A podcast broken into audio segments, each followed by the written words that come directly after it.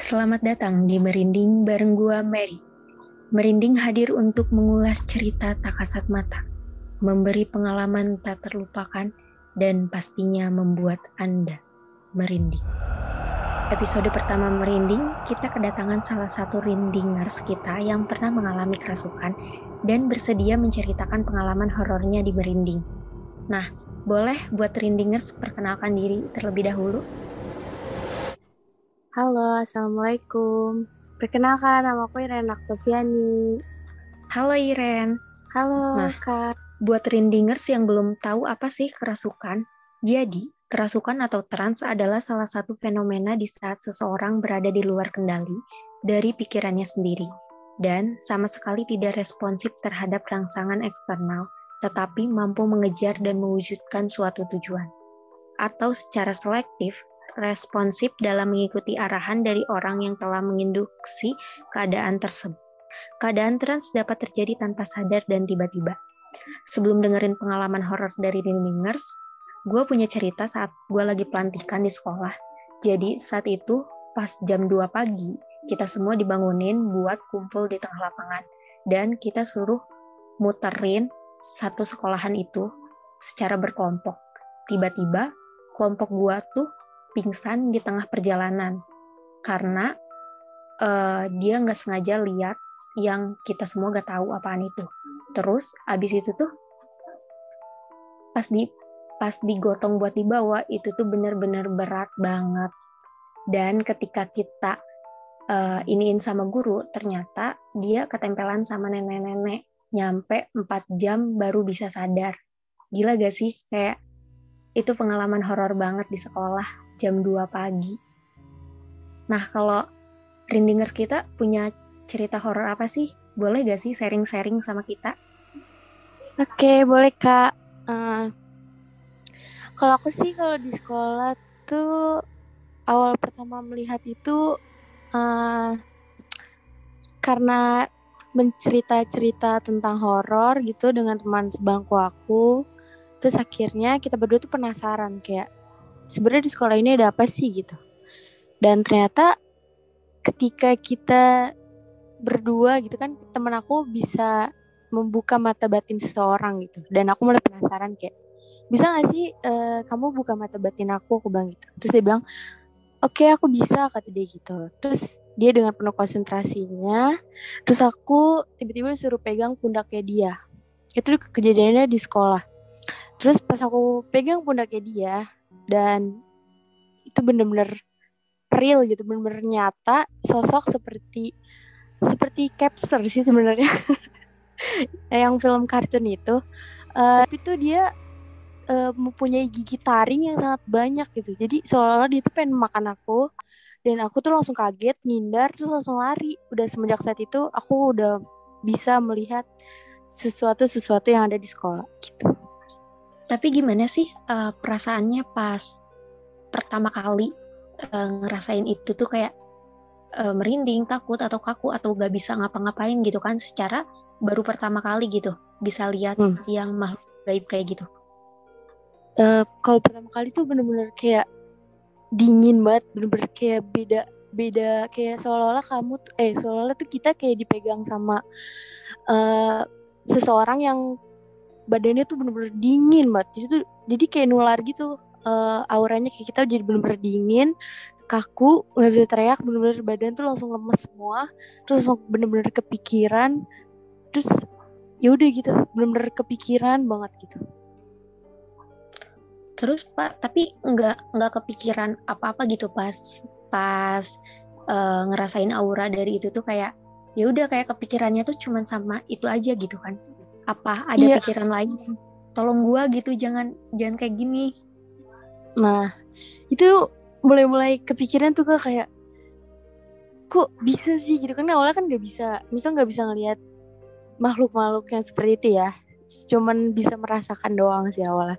Terus gara-gara dibuka jadi bisa melihat semua semuanya yang tidak bisa orang lain lihat. Terus langsung kayak kepikiran kayak kok gue kayak gini sih, kok gue jadi kayak gini? Gitu kan. Nah karena aku diri aku nggak kuat gitu ya, jadi aku bener-bener kayak orang gila banget tuh kak. Kayak bener-bener aku lihat orang tapi aku belum masih belum bisa membedakan itu orang atau huntu sebenarnya. Gitu kak.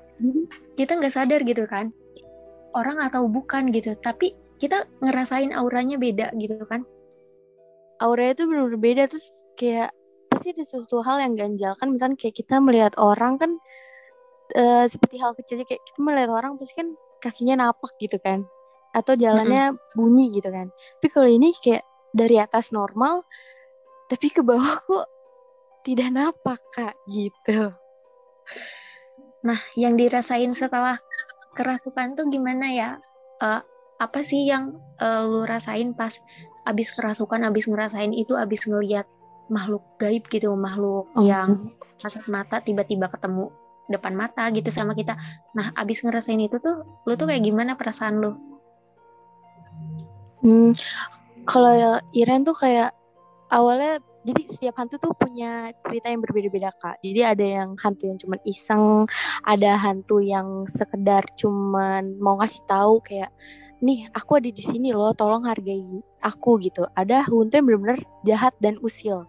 Pengen uh, pengen ditolongin masa pengen ditolongin tapi dia tuh kayak malah jadi nyakitin kita itu sih kayak yang paling seremnya hantu yang uh, pengen menyakiti badan kita gitu. Jadi dia tuh di mana filosofinya dia meninggal itu secara tidak wajar dan dia ingin seseorang uh, merasakan apa yang dia rasakan gitu. Karena uh, dia berpikir bahwa oh banyak gitu. Orang-orang di sekitar sini nggak bisa lihat saya gitu.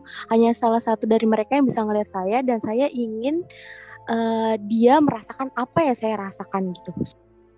Uh, sebelum dia meninggal tuh kayak misalkan uh, kasus bullying gitu kan kak. Dia misalkan bunuh diri gitu. Dia dibully terus akhirnya dia bunuh diri atau segala macam gitu. Nah matinya itu benar-benar mati-mati yang mengerikan gitu kak. Jadi dia ingin seseorang merasakan betapa dendamnya dia betapa perihnya dia kepada seseorang yang bisa melihat dia gitu kak oh jadi uh, ketika lu udah kan lu tadi pertama kali kan kayak gara-gara teman bisa ngebuka mata batin terus jadi pertama kali lihat di situ. Nah, setelah lu udah sering lihat nih kayak gini, lu bisa ngebedain gak sih ciri-ciri hantu tuh kayak gimana yang dia tuh jahat atau enggak atau kira-kira dia tuh baik atau ada yang cuman iseng aja ngejailin. Nah, bedain tuh hantunya kayak gimana sih? Kalau secara oh. sekarang kan pasti udah sering kan ngeliat hantu. Kayak hmm. udah biasa gitu. Karena ya ya pasti kaget awal-awal aja gitu kan. Nah, kalau sekarang hmm. boleh dong sharing kayak gimana sih uh, hantu tuh ada apa aja? Iya, kalau hantu sekedar iseng tuh kayak dia cuman nongolin tuh sudah hilang gitu.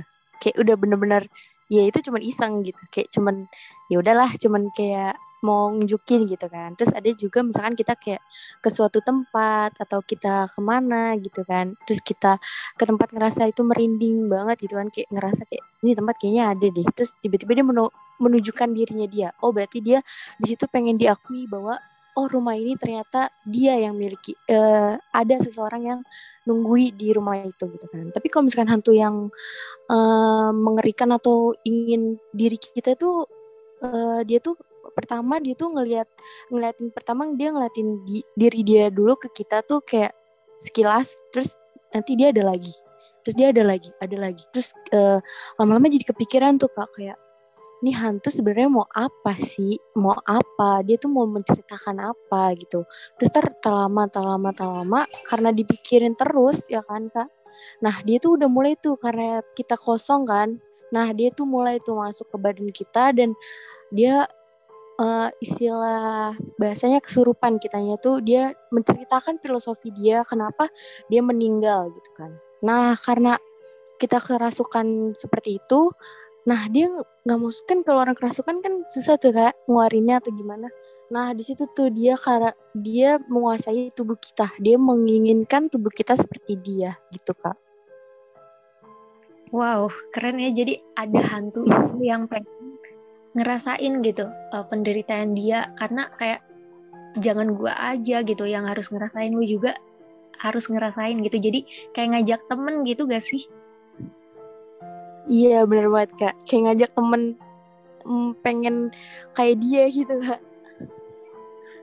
Nah dari situ kayak Lu pernah gak sih kayak dijailin sama hantu Lagi di jalan atau apa gitu? Hmm.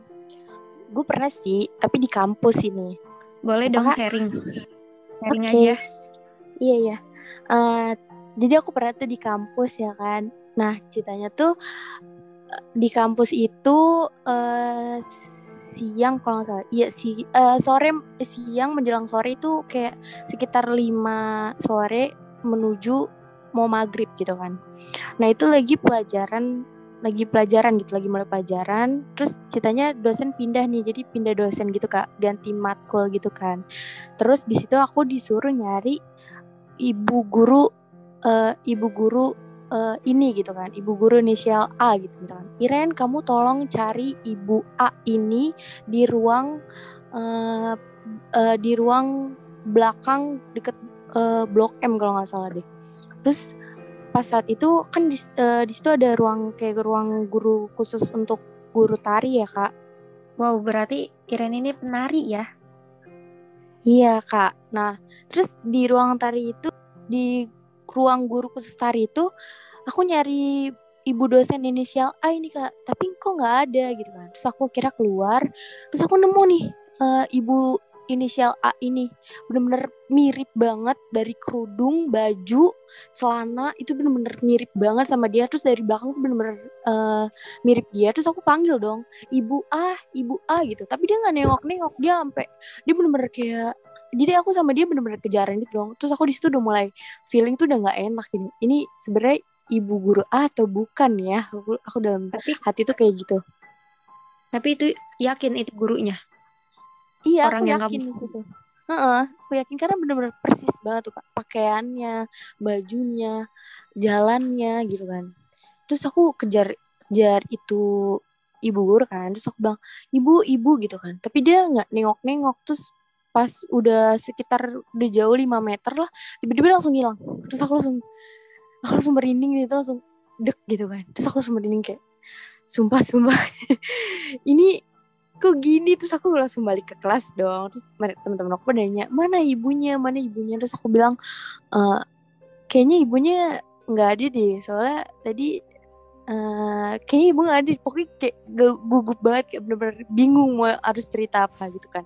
Terus nggak selang lima menit ibu guru itu datang dengan pakaian sama cuman warnanya berbeda kak.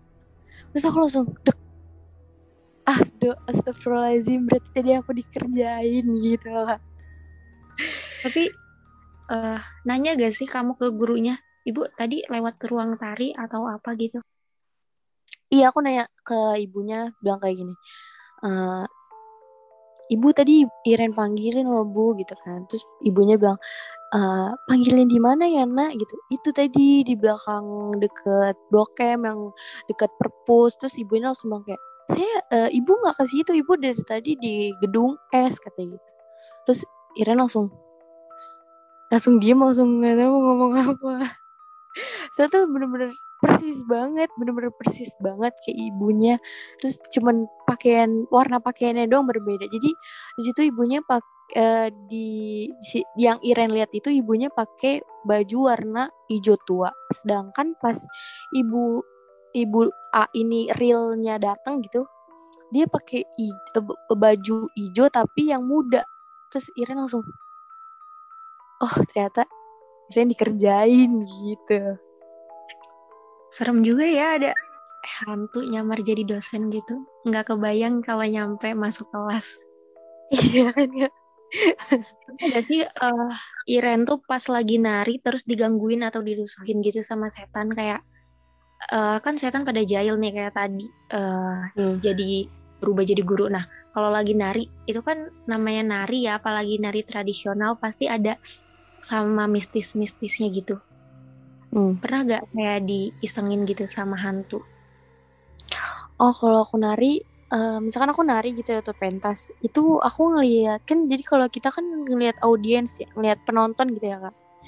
Eh, nah aku ngelihat penonton tuh itu bukan penonton yang aku lihat, tapi seseorang yang susah dijelaskan, rumit untuk dijelaskan. Jadi kayak aku misalnya ngelihat seseorang yang menguasai panggung itu, maksudnya seseorang yang berjaga di panggung itu. Jadi aku lihatnya cuman kayak penjaga gitu-gitu jadi penonton tuh nggak ada di mataku tuh penonton nggak ada yang aku lihat tuh cuman kayak orang nari terus ada penari cantik nari pokoknya di ilu ilusi aku tuh kayak gitu jadi pas selesai nari misalkan pingsan atau gimana pas pingsan tuh baru sadar kayak oh ternyata yang tadi gue lihat tuh dia gitu. Bukan orang bukan penonton atau segala macam gitu kak. Berarti dia nyamar jadi penonton tapi pas kita lihat itu dia bukan penonton tapi hantu gitu kan? Iya kak. Bener banget. Nah kalau dari Irene uh, ada gak sih kayak uh, kesan, pesan atau saran buat reading uh, ini nih buat pendengarnya podcast merinding supaya lebih hati-hati lagi kita biar nggak digangguin pesannya gitu buat pendengar podcast merinding. Oke, pesannya itu pertama kalau misalkan di tempat yang mungkin rada serem atau horor itu sebaiknya kata-katanya dijaga terus jangan ketawa-ketawa karena itu bisa mengganggu mereka-mereka gitu. Karena kedatangan kita itu baru untuk mereka gitu. Karena kita kan tidak bisa melihat mereka gitu. Gitu sih kak. Oke, makasih Iren buat sharingnya di Rindingers ini. Dan juga makasih buat seluruh pendengar Rindingers di podcast Merinding. Jangan lupa selalu dengerin Merinding setiap malam Jumat di Spotify dan jangan lupa untuk share ke teman-temannya ya. Iya, terima kasih banyak juga Kak.